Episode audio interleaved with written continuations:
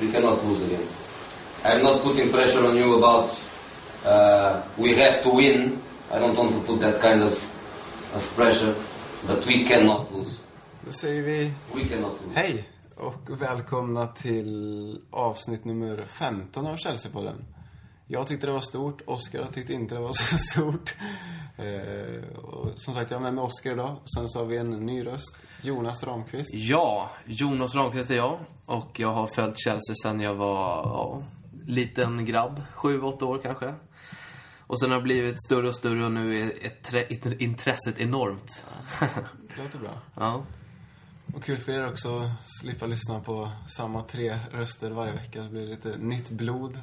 Se vad det kan tillföra. Ja, nej, men det passar jättebra på detta stora 15-avsnittsjubileum som vi faktiskt firar idag. Och vi firar ju faktiskt med Sverige har precis vunnit mot Kazakstan med 1-0. Det tråkiga jävla landslagsuppehållet. Kul att det har fört något gott med sig i alla fall. Roliga 27 sekunder där. Det var det. Bra anfall. 1-0. Ja. Sen har vi lite senare ikväll här om 40 minuter, just nu i pratande stund eller vad det heter, så gör ju Lampard sin hundrade landskamp för England och det om något är väl värt att fira faktiskt. ja. Ska bli kul att se. Sen har vi, har vi sett, eh, har vi haft några stora prestationer från våra spelare i landslaget. Eh, jag kollade på Belgien-Skottland. Och jag måste säga att Kevin De Bruyne gjorde en bra match där. Eh, gjorde assist till eh, 1-0 målet. Och spelade, ja, säker i sitt passningsspel och spelade bra. Lukaku satt på bänken hela matchen och Hazard var skadad. Så, ja, det var från den matchen. Annars har jag inte kollat så mycket på de andra. Skönt ändå att höra att De Bruyne fortsätter att göra bra ifrån sig. Mm, det är kul. Ja, Jag har bara sett de två Sverige-matcherna och där finns det ju inte så många Chelsea-spelare. så- Jag har inget att tillägga där. Jag tycker vi ska värva eh, Anders Svensson. Ja, han håller ju upp fortfarande. Nej, Taco. men no, nog om landslagsuppehållet. Ja, när ni lyssnar så är det bara fyra dagar kvar tills vi möter Everton. Men vi tänkte först gå igenom den tråkiga jävla, eller roliga finalen men med ett tråkigt slut kanske. Eh, Bayern München 1-1 efter full tid och 2-2 efter förlängning och torsk på straffar den här gången istället. Ja, en helt galen match. Alltså man fick ju den här känslan av Bayern- finalen 2012. Men, eh, ja, som vanligt känns det som nu. Otur. Sista sekunderna. Men, eh, ja. Ja, det var väl deras tur att göra ett sent mål och sen Ja. vinna på straffar. Det, Jag tror inte någon Chelsea-supporter skulle byta ut Champions League-finalen mot den här matchen. Och tvärtom, jag tror att alla Bayern München-supportrar hellre hade vunnit den finalen i München än den finalen de vann nu förra veckan. Så det är inte så mycket att gräma sig över. Det är trots allt bara Supercupen, även om det såklart hade varit kul att vinna. Väldigt stark insats får man ju säga ändå. Jag skulle, men ändå, jag vill slänga en liten känga åt både Ramirez, som blev utvisad. Idiotiskt gjort Ja, just av det, han honom. blev utvisad ja. idiotiskt gjort av honom. Och sen eh, Mourinho faktiskt, skulle jag vilja hänga ut lite. Jag tycker att han, han borde sett tidigare i matchen att både Torres och Ramirez har gult kort. Att byta ut båda två, ta in kanske SCN och eh, Lukaku tidigare i matchen. Torres vart utvisad förra säsongen mot United. När han snubblade, man vet ju han kan snubbla igen och få dra på sig ett gult kort. Och Ramirez är ju opolerad. Fast hade vi inte väldigt många varningar? Jag tror jag hörde någonstans att vi hade åtta, att åtta Chelsea-spelare blev varnade i matchen. Var det så många? Ja, alltså? så att om man börjar byta ut dem med gula kort så, ja, det går ju inte att göra om man har åtta stycken. Så. Sen kanske inte några av dem kanske var i slutet. Det är möjligt. Nej. Alltså, Det enda som, alltså jag tycker eh, Bayern München i dagsläget har ju ett mer färdigt lag. Vi har ju ett lag som kommer bli bättre än Bayern München. Så, alltså, Det var ju inte oväntat att vi skulle liksom förlora, även fast det blev på straffar. Jo, de är lite mer samspelt då, som du säger. De har kommit längre i sitt lagbygge. Men det var positivt att se att vi ändå stod upp så pass bra som vi gjorde och ja, med lite flyt så hade vi vunnit den här matchen i förlängningen. Ja. Det är så jävla trist att, Små marginaler. att vi inte bara rensar när det är 10 sekunder kvar. Det är väl det man grämer sig över. Och att Lukaku fick slå den sista straffen och missa. Det var väl lite trist. Usel straff för övrigt. Ja, riktigt Ja. jävla värdelös. Såg väldigt lojt ut på något sätt. Lite oseriöst nästan när han stiger fram och knatar fram till straffpunkten där. Ja. Men i övrigt var det ju väldigt bra straffar från båda lagen egentligen. Det var, Ja. det var väl inte så många som målvakt, någon av målvakterna var nära att ta egentligen. Louise gjorde en repris på Champions League när han dundrade bara. ja. Det funkar ju. Ja. Och sen Ashley Cole satte som vanligt sin. Precis, lite- in ja. ja. Ja. Ja, men jag tycker, alltså, nej. Det var skönt att de fick spela mot ett så pass bra lag och mäta krafterna. Det är det som man kan ta med sig. Det båda gott för framtiden. Sen var väl alltså, Bayern München egentligen bättre sett över hela matchen. Som Tjeck gjorde ju flera väldigt bra räddningar som höll oss kvar i matchen. Och som ni var inne på tidigare, att ja, vi har lite mer att jobba på men det ser, ser positivt ut i varje fall.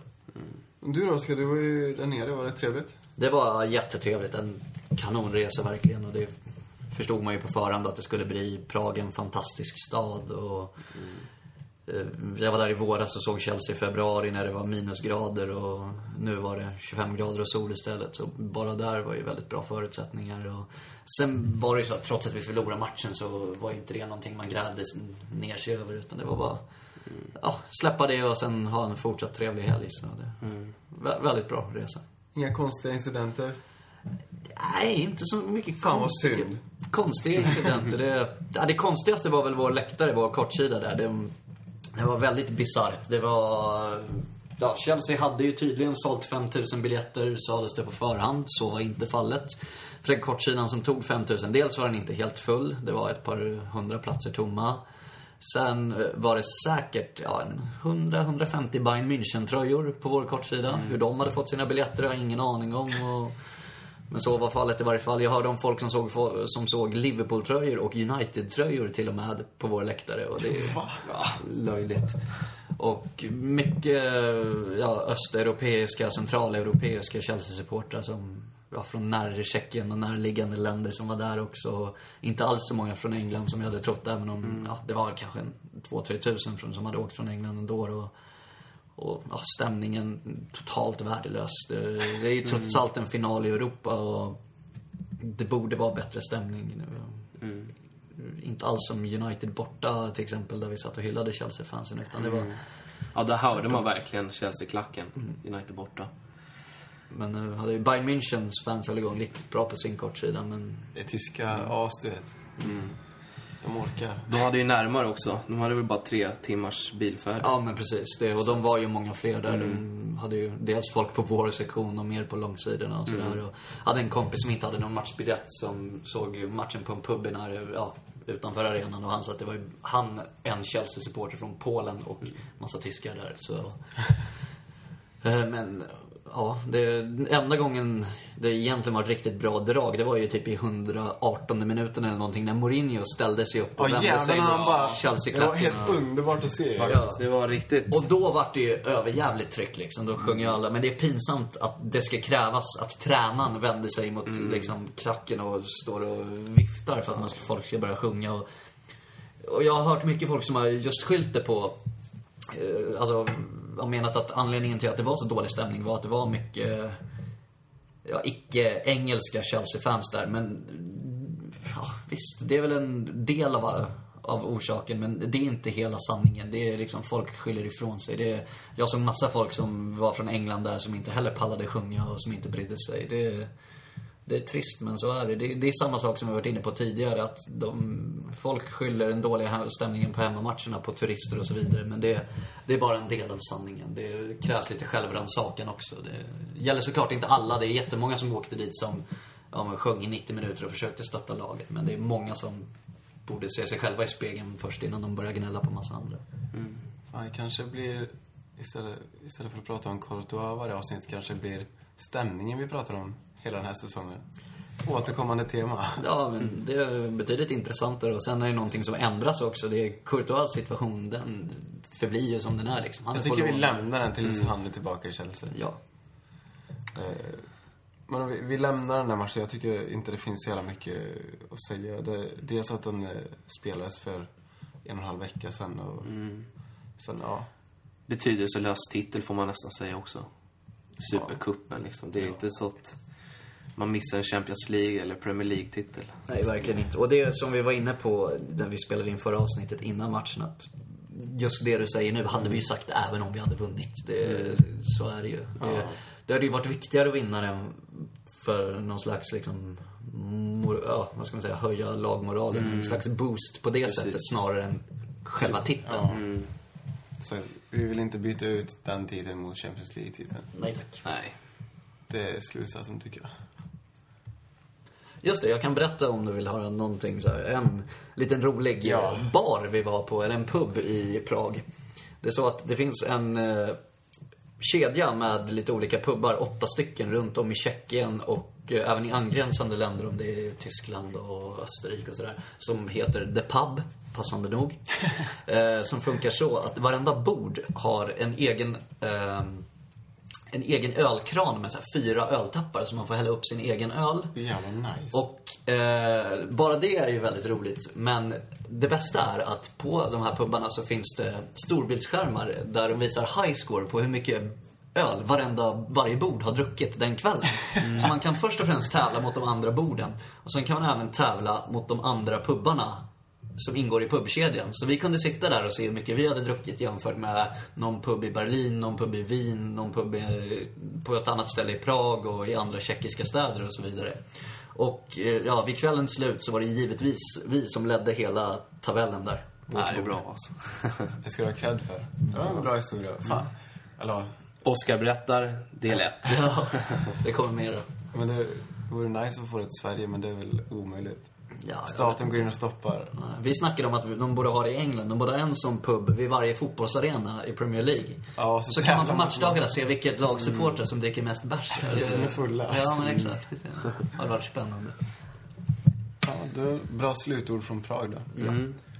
Vi tänkte fortsätta med eh, Oskars favoritsegment, eh, transferfönstret. Men det är väl ändå värt att ta upp eh, de sista dagarna där. Vi tog in Eto'o och man förstod väl redan då att eh, någon skulle bli utlånad eller såld. Och man hade väl hoppats på att Ba skulle bli såld kanske. Men det vart Lukaku som fick gå till Everton istället. Ja, lite förvånande får man nog säga. Jag hade ju hoppats att Lukaku skulle stanna. Han hade absolut bevisat förra säsongen i West Brom att han skulle få vara med och- kämpa om en plats i Chelsea. Eh, men eh, det var ju Lukakus egna val. Mourinho hade ju sagt till Lukaku att eh, ja, du kommer självklart få spela men du kommer ändå inte kunna spela vecka ut och vecka in som kanske i ett annat lag. Och då valde Lukaku själv att vilja gå till Everton. Som jag tycker att det är klokt val av Lukaku att göra det. Eh, får man nog säga, tycker jag. Ja, som man tänker, man förstod ju när Eto'o, eller när Mourinho tar in Eto'o som han haft tidigare. Det känns ju inte som att man tar in honom för att han ska vara tredje anfallare.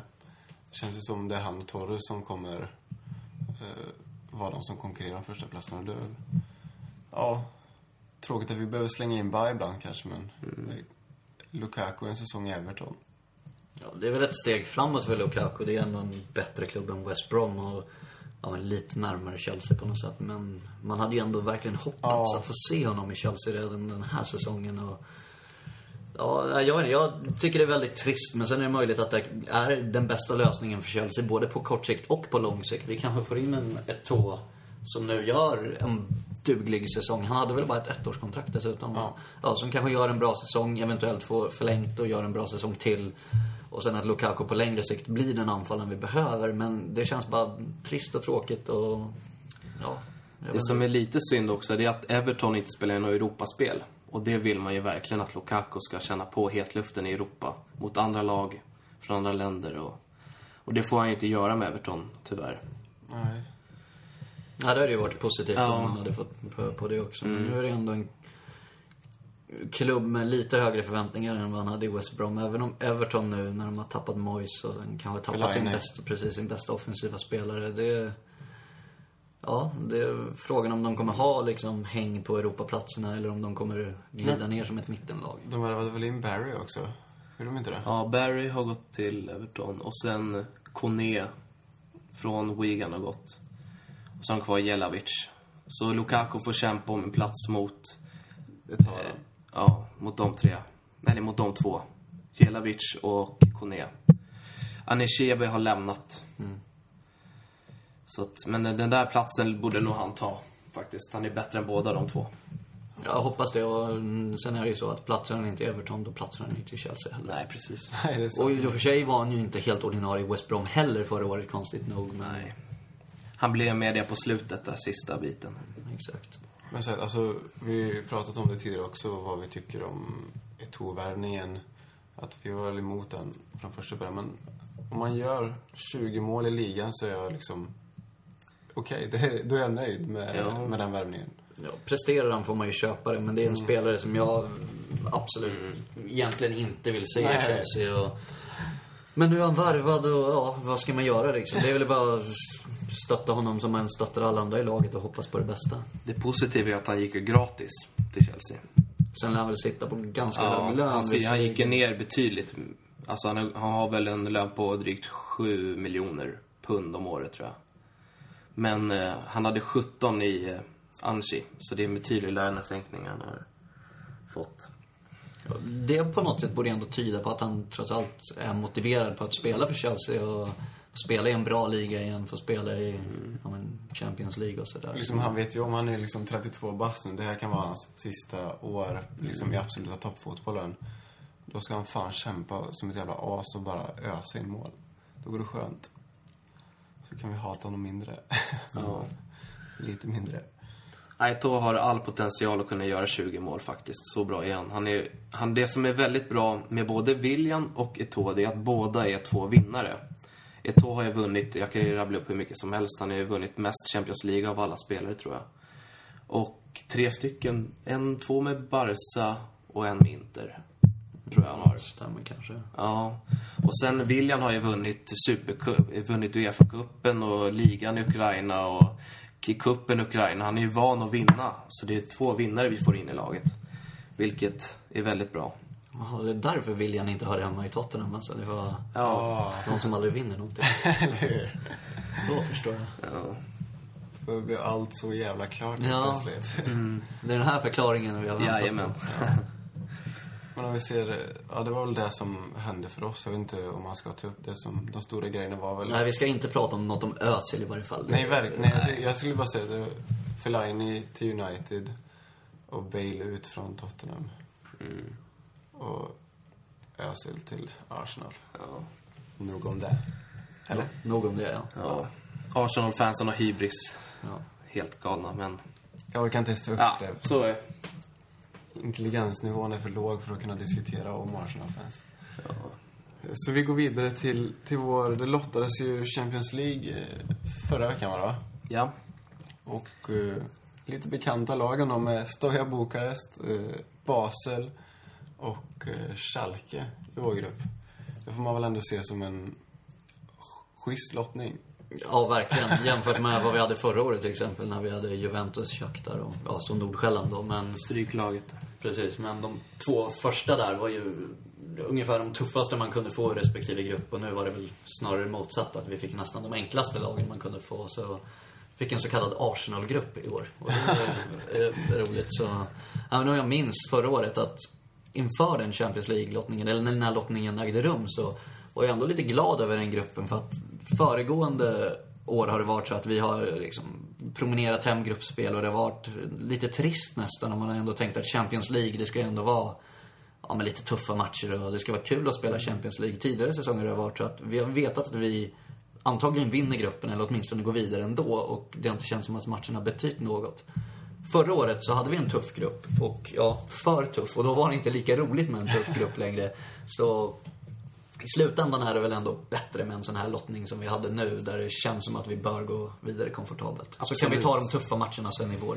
Absolut. Det kommer ju tuffa matcher i ligan också. Så då kan det vara ganska bra att ha lite lättare matcher om man får säga så. Även fast det... Ja, det är, man ska ju aldrig gå in med ett, med ett dåligt... Vad ska man säga? Dåligt självförtroende inför de matcherna liksom. Vi, när, när i Europa League var det vi mötte Stoja och Basel? Var det i slutspelet va? Basel, i- ja vi spelade ju inget annat i Europa League. Nej, just det. Ja. ja. Uh, Basel i semin och sen var Stoja, om det antingen... Det var matchen innan. Matchen innan, ja precis. Kvartsfinalen där. Sen mötte vi Schalke i Champions League-gruppen för typ sex år sedan eller något sånt där. Vann med 2-0 hemma och om det var 0-0 borta. För mig. Ja. Ja, men det är väl en grupp vi ska vinna bara. Vi får se upp med Schalke. De har ju en duktig kille som jag har kikat lite på, Draxler, som de flesta känner till. Han är väldigt spännande och kan verkligen få fart på Schalkes anfall. Men de har ju öppnat ganska dåligt, men det är väl den stora konkurrenten i gruppen då. Så det blir väl vi och Schalke som går vidare om jag får tippa innan. Ja. Ja, det låter ganska rimligt faktiskt. Ja. Det kan jag hålla med. Annars så, vad fan kan man säga om Champions League-lottningen? Inte så mycket. Det är... Svårt. Man har ju det är lag som inte har överbra koll på. Basel och Stoja förra säsongen, det var väl det man fick se på. Jag tycker att Basel, de, de var ju väldigt bra för ett par år sedan när de hade Shakiri och ett par andra. Streller var väl farlig där framme, men jag tycker de har bo, båda två har tappat betydligt. Alltså laget har tappat betydligt sen de har lämnat. Ja, vi slog ju dem väl, väldigt komfortabelt senast. Och det, även Stoja, även om vi förlorade bortamatchen där på en lite tveksam dömd straff, om jag minns rätt, så, så vann vi även det dubbelmötet ganska enkelt. Så det, det är lag vi är bättre än det lag vi ska slå. Så, så enkelt är det. Och det gäller alla tre lagen i gruppen. Så det, vinner vi inte gruppen så är det dåligt. Går vi inte vidare, då är det katastrof. Ja. Och de andra grupperna har jag inte så jävla bra koll på heller, så vi Irrelevant. skiter i det. Ja. Eh, Men vi får gå vidare till segmentet eh, eh, om eh, Facebook. Vad våra lyssnare tycker vi ska snacka om. Och vi tänkte, vi har ju gått igenom en del som har skrivits här. Eh, bland annat skriver Gustav om synpunkter på Lukaku, utlåningen där, det har vi pratat om. Eh, varför värva Eto'o, det har vi också pratat lite om. Men Glenn då, han skriver, diskutera lite om arenan. Blir det en ny eller någon utbyggnad? Vart kan man bygga nytt? Oskar, har du någon koll på det? Ja, alltså det har inte hänt så mycket i arenafrågan nu på ett tag. Det, det stod ju klart att eh, Chelsea inte kommer bygga, inte kommer kunna bygga i Battersea för det är sålt till någon annan. Och eh, så just nu händer det inte så mycket. Det uppstod något rykte, eller The Sun skrev en artikel för kanske två, tre veckor sedan om att det trots allt skulle gå att bygga ut Stamford Bridge och så, men det, just nu är det bara lite lösa spekulationer och ingenting händer egentligen. Varken med arenan som sådan eller med Chelsea Pitch Owners eller någonting. Så det, det finns ingenting att rapportera. Ingenting.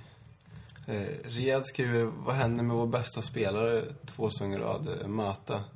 Blir det bänken? Tar Oskar hans plats? Samma öde för Terry. Jag tror ju att Mata kommer ta tillbaka den platsen där framme. Så bra som han var förra säsongen. Alltså motorn i vårt offensiva spel, får man nog säga. Eh, Oscar kommer ändå få spela en hel del. Han är lite mer flexibel. Jag skulle kunna tänka mig honom på en defensiv mittfältposition.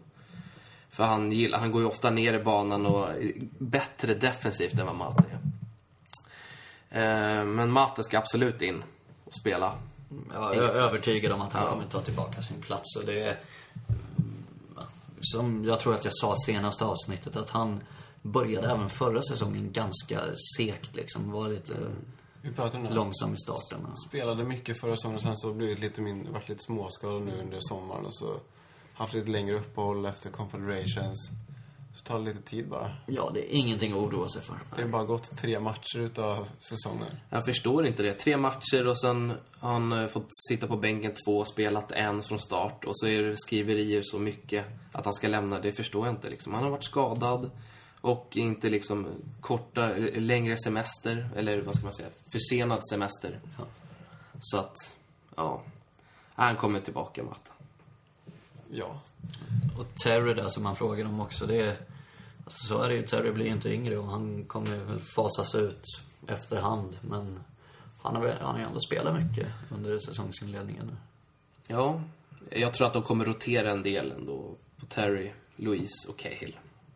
Samma med Ivanovic och Aspelogeta kommer också rotera när matcherna börjar täta, tätna till lite. Ja. Vi har bra backuppsättning. Bra Väldigt, mittfältsuppsättning. väldigt bra backuppsättning får jag säga. Ja, i år har vi ju bra på egentligen alla positioner. Det, så är det ju. Ja. Eh, Och Fares skriver eh, kontroversen kring spelare som Eto'o som eh, uttalar sig kritiskt mot en klubb som man sedan hamnar i. Hur länge ska man ha sånt i bakhuvudet och hur lång preskriberingstid är det egentligen? Det han syftar på är väl när Chelsea slog ut Barcelona ur Champions League 2005. Ja. Och Eto'o ja, var ju inte helt nöjd såklart och hade lite citat där. Bland annat hade han anklagat en av Chelseas, någon Chelsea-personal där för att ha kallat honom Monkey of Shit. Vilket, eh, den ordföljden liksom existerar inte riktigt på engelska. Men däremot, om min skolspanska är korrekt så är det motsvarande ord, ordföljd man skulle ha i spanskan liksom. Språket är uppbyggt på ett annat sätt. Så därför var det ju väldigt många som hävdade att han kom på det här själv, att det var någonting Eto'o hittade på. Och om hur det nu var, det vet vi ju inte men det, det är lite både och. Det där är någonting så här, lite mer i stridens hetta. Precis, men när det sker vid precis. upprepade tillfällen, om man, då är det väl en annan sak. Och, sen är det möjligt att det tog haft några andra citat, men just det där tycker inte jag är någonting direkt. Nej, jag, tror man kan, jag tycker man kan stryka ett streck över det och glömma faktiskt. För att det är som du säger, striden sätta. Efter matchen kan han ju liksom, när de har åkt ut mot Chelsea och jag vet ju själv när man har själv spelat fotboll att man liksom kan ju säga dumma saker ja, efter matchen åkt ut så. Ja. Däremot finns det ju andra fall och nu, det var ju i och för sig det enda vi pratade om under förra säsongen i podcasten. Precis. Benitez, ja. Där det kändes som att det var ett mer upprepat och liksom tydligt Chelsea-agg på något sätt. Medan det här, som sagt, är en, ja, en bagatell i sammanhanget. Ja. Jag tror inte Chelsea-spelarna går och tänker på det heller. Nej, det är ju inte Shit, så många som är... Vad sa Eto'o för åtta år Ja, sedan? det är inte så många som är kvar sedan den tiden. Det är väl egentligen bara Lampard och Terry och Sheck väl. Cole hade ju inte ens kommit till Chelsea. Alltså. Nej. Nej, vi släpper det. Och förlåter, förlåter. Eto'o för det han sa. Ja. Men inte för att han har spelat i Barca. Nej, men han, han verkar vara en småvidrig individ på något sätt. Det är sån här... Är min uppfattning i varje fall. Ja, den det kan ju som vara händer- felaktig, men alltså... Det, Ja, det som hände i landslaget där senast nu. Då hade han ju... Han slutade i landslaget för att han tyckte att tränaren tog ut fel lag. Vad jag läste i alla fall. Vilket jag tycker är väldigt konstigt att en spelare ska... lite Anelka-vibbar över det. Ja, lite Anelka på honom där. Men jag, jag tycker att Anelka var en bra spelare för Chelsea. Mm. Så om han Eto'o lyckas prestera som Anelka då... Han gillar ju Mourinho, så att jag tror inte han kommer några klaga på Mourinho. Jag får hoppas på det. Uh, slut. på Facebook. Okej. Ja. Eller? Ja. Jo, Ja. det var slut på Facebook.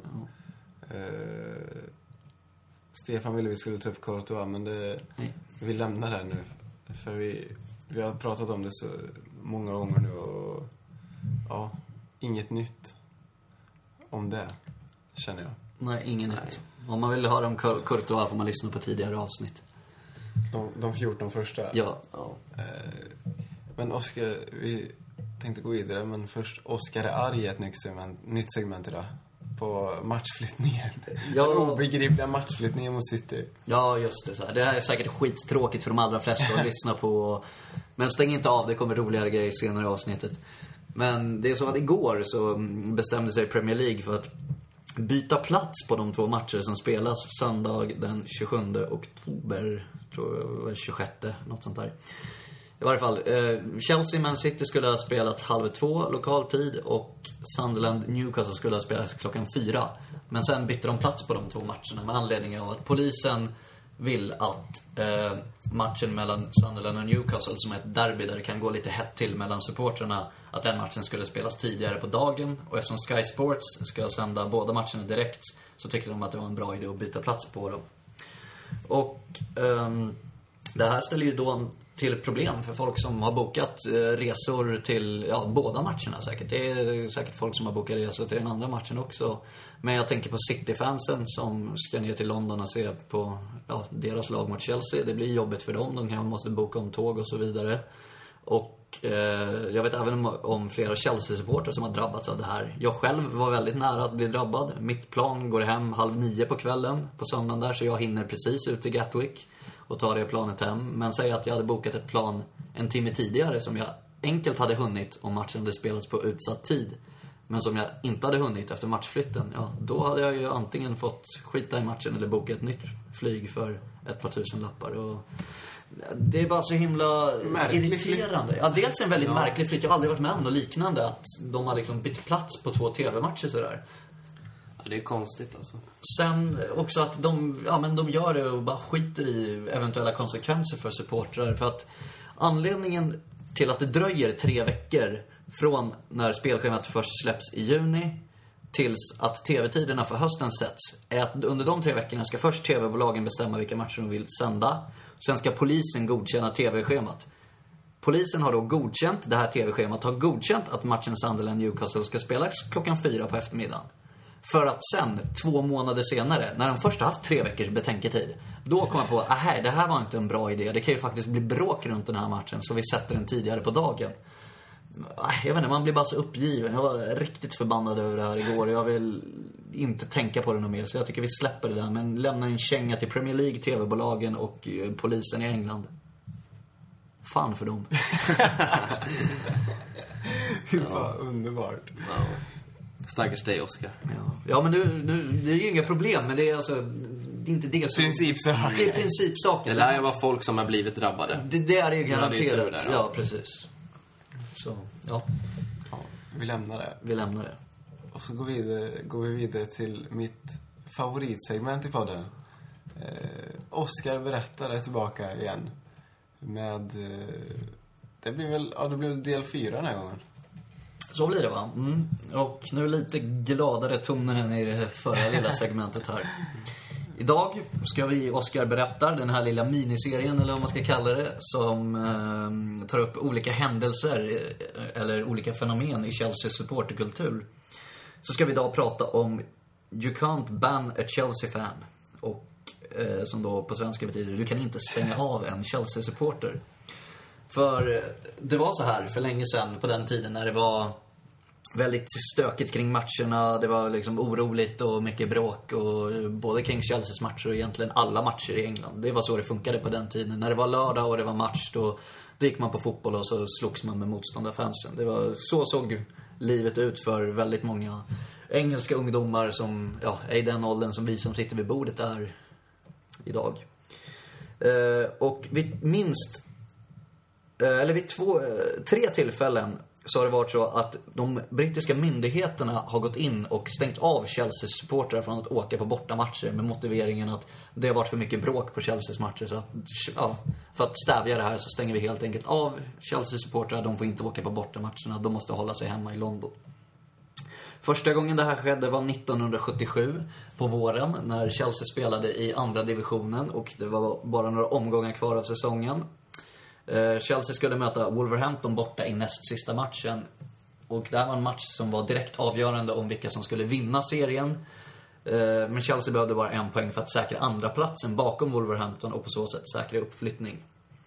Och eh, då var det inga Chelsea-supportrar som var välkomna att åka upp till Wolverhampton på den här matchen. Men trots det så var det en massa svarta börshajar utanför Stamford Bridge veckan innan när Chelsea spelade hemmamatch och sålde jättemycket biljetter till den här matchen. Så för en gångs skull gjorde de svarta börshajarna ett bra jobb. Ja, det Och- fan enda gången. Precis, det, någon gång ska de också lyckas. Och trots att Chelsea-fansen var avstängda så var det tusentals supportrar som eh, åkte upp till Wolverhampton den här dagen. Det var så mycket folk på tågstationen Houston i London där tågen till Birmingham och Manchester och norra England går. Så att de var tvungna att sätta in extrainsatta tåg till Wolverhampton bara för att transportera dit de Chelsea-supportrarna som egentligen bröt mot lagen genom att åka där. Och det uppskattas att det var 5 000 till 6 000 Chelsea-supportrar på plats. Och matchen slutade 1-1 och Chelsea grejade uppflyttningen men Wolverhampton vann serien. Och efter matchen stormade båda lagens supportrar planen och firade tillsammans inne för det var ju de här två klubbarna som hade gått upp till högsta divisionen. Ovanlig situation. Verkligen ovanlig situation, men väldigt rolig. Och det var i slutet av den säsongen och sen i början av nästa säsong så äh, hävde de det här, eh, den här avstängningen då. Sen, fem år senare, 1982, var det dags igen. Eh, Det var i januari den här gången som myndigheterna då beslutade att Chelsea-supportrar återigen var avstängda från bortamatcherna och inte fick åka. Chelsea hade Hull borta i ett omspel i FA-cupen en torsdagkväll. De hade först mötts eh, på, på lördagen eh, på Stamford Bridge, då hade det blivit lika. Och på den här tiden hade man, ja det har man ju fortfarande i och för sig, omspel i FA-cupen. Ja. Och inga Chelsea-supportrar var välkomna att åka dit. Men en Chelsea-supporter som heter Gary, som numera bor i Sverige faktiskt och några av lyssnarna kanske har träffat honom på Tudor Arms någon gång, sett någon match där. Han åkte upp själv på tisdagen, två dagar innan matchen, till Hull. Och, eh, som ligger ganska högt upp i England, ganska långt norrut. Och köpte 82 biljetter till matchen, för det var allt han kom över. Han sa att han representerade Hulls supporterklubb från Ipswich. och att det var väldigt många Hallbor som var nere där och jobbade på något stort bygge som ägde rum, rum i Ipswich då. Så det var en ganska trolig anledning ändå. Och det förklarade även hans, hans dialekt, att han, de hörde ju att han inte var från, från området. Och han åkte upp då och köpte 82 biljetter, åkte tillbaka till London och sålde dem på lite pubbar där runt Stamford Bridge. Och så var de ett par hundra Chelsea-fans som åkte upp och eh, såg matchen mot Hull som Chelsea vann då. Eh, sen nästa match, som var mot Watford, som ligger i närheten av London då, precis norr om London. Då var det inte ett par hundra, utan då var det återigen ett par tusen som åkte upp för att se den här matchen. Och det enda poliserna kunde göra var att släppa in dem på arenan för att det var så mycket Chelsea-fans på plats. Och efter det så beslutade man att den här eh, avstängningen på Chelsea-supporterna har ingen effekt, så de får gå på matcherna ändå. Sen var det dags igen, 1985, tre år senare alltså. Jävla dårar. Då Chelsea hade, det hade varit mycket bråk i en ligamatch mot Sunderland. Och Chelsea mötte Sunderland i FA-cupen. Och då blev det en avstängning på den matchen också. Inga Chelsea-supportrar var välkomna. Och enligt efterforskningar som de gjorde på Twitter tidigare i veckan så var det ungefär 50 Chelsea-supportrar på plats på den matchen. Det hävdade i varje fall Cathy, som eh, Chelsea-supporter, legendaren. Hon som inte missade en enda match mellan 1978 och 2013. Hon missade ju sin första match mot Rubin Kazan borta i våras. Hon hävdade att det var ungefär 50 Chelsea-supportrar på plats på den matchen. Trots att det återigen inte var några välkomna. Och då ska vi ha i åtanke att 50 supportrar, det är ungefär vad QPR, Millwall, Fulham och sådana klubbar tar till bortamatcher i norra England idag. När de är välkomna och får åka på matcherna. Och med det avslutas veckans Oscar berättar. Tack så mycket. Ja, tack så mycket Oskar. Grymt ändå. Alltså, Ja. Elsie, är, det, eh, han, Gary, är det han som vi träffade på pubäg eller han som jobbar på puben? Tudor, Nej, va? du tänker på... Nej, nej, det är Martin på Brother Aha, Tuck. ja, Bror Tuck var jag på. Ja. Ja, just det. Nej, det här är ju en annan... Aha, ja, skitsamma. Ja. Vi lämnar det. Ja, vilken story. Ja, så var det på den tiden, den Ja. gamla goda tiden. När det fortfarande var stämning på läktaren. Ja. Fan, skönt ändå att åka upp till, till Hall och ljuga ihop en historia och sen åka hem igen och sälja biljetterna. Det är ju fan det är helt underbart. Man blir så jävla lycklig av att höra det. Ja, men det är ju verkligen engagemang. Ja. Det, Ja. det är det definitivt. Ja. Är det någonting... eh, Eh, ska vi snacka om Everton-matchen kanske? Har Ja, ni... det, fan, det har vi inte gjort, nej. Nej, just det. Bra. Ja. Den tar vi. Nästa match. Ja, ehm, du har ju några skador då. Hazard och Oscar har väl åkt på ett par lätta smällar. Men ska väl båda vara tillgängliga, tror jag, för spel. Ehm, och sen har vi Tå som åkte på en liten lätt skada, men är redan tillbaka. Du såg väl en bild på honom, eller vad? Ja, jag såg en bild när han såg- tränade, så han verkar väl ganska fit. Ja, Okej. Tror vi han startar på lördag? Jag tror han startar. Ja, jag tror också han startar. Både Ba och Torres har ju varit... Ja, sådär, inte så värst. Gjorde ett bra mål i alla fall. Ja, väldigt fint mål.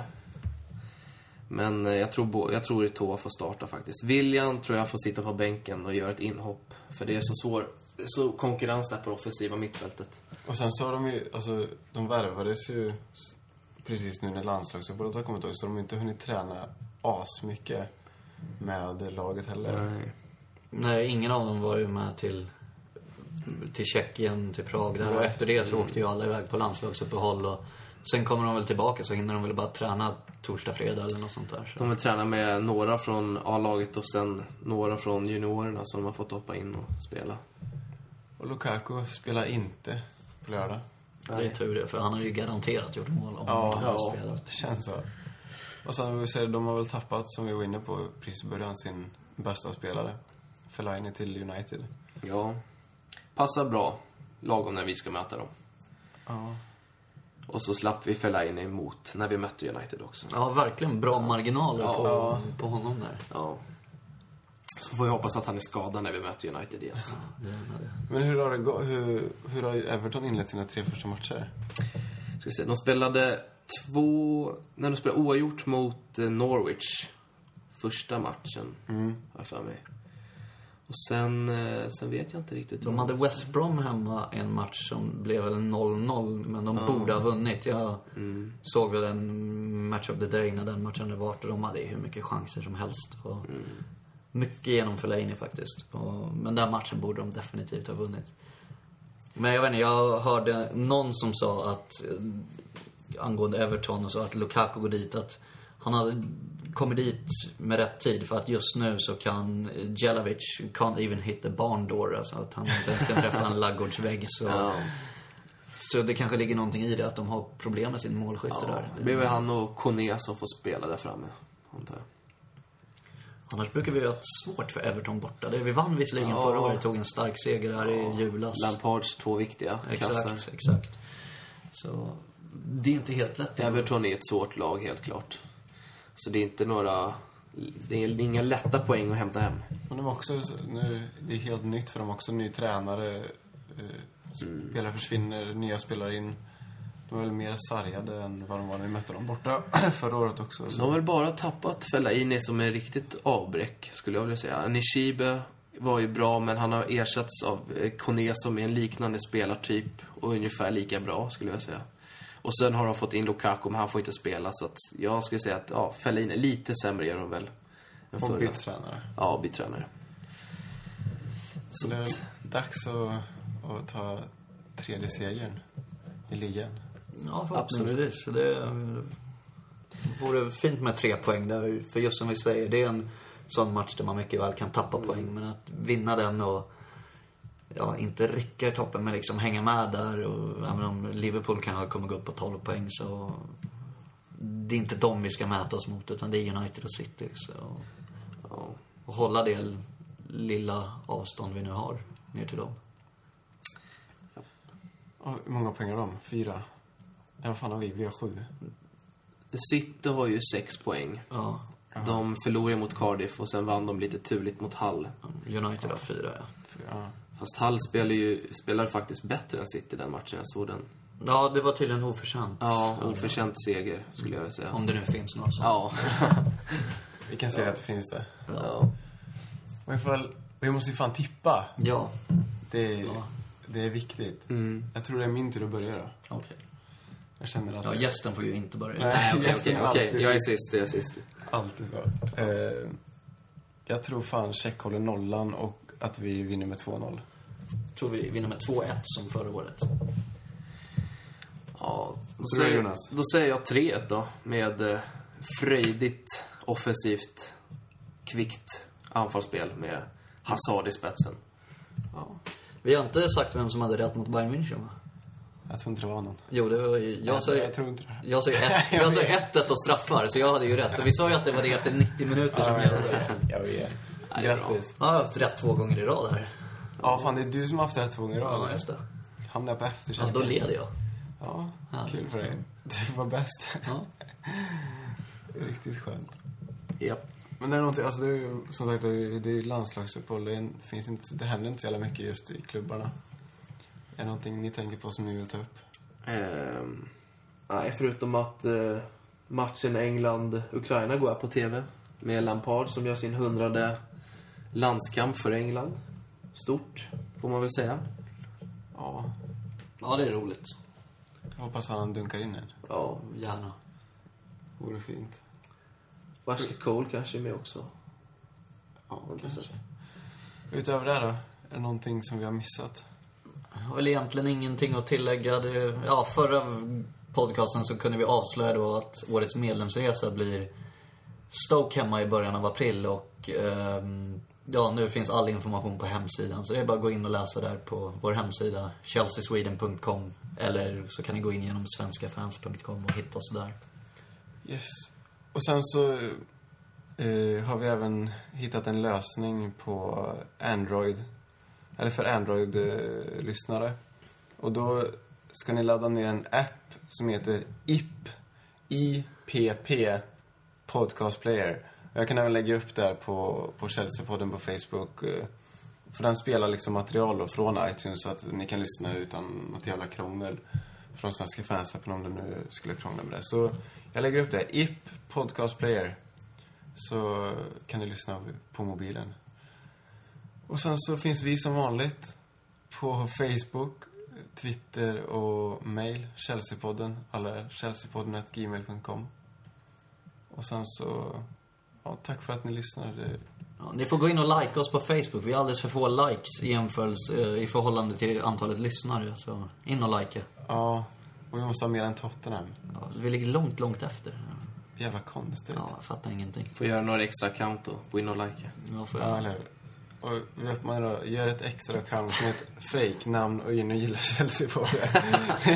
vi bryr oss inte om vem det är som likar, bara det likas. Och det får bli slutorden för idag då, så hörs vi nästa vecka. Mm. Ja, Tack, tack, så mycket. tack för idag. Tack Jonas. Tack, tack. Tack. Hej. Hej.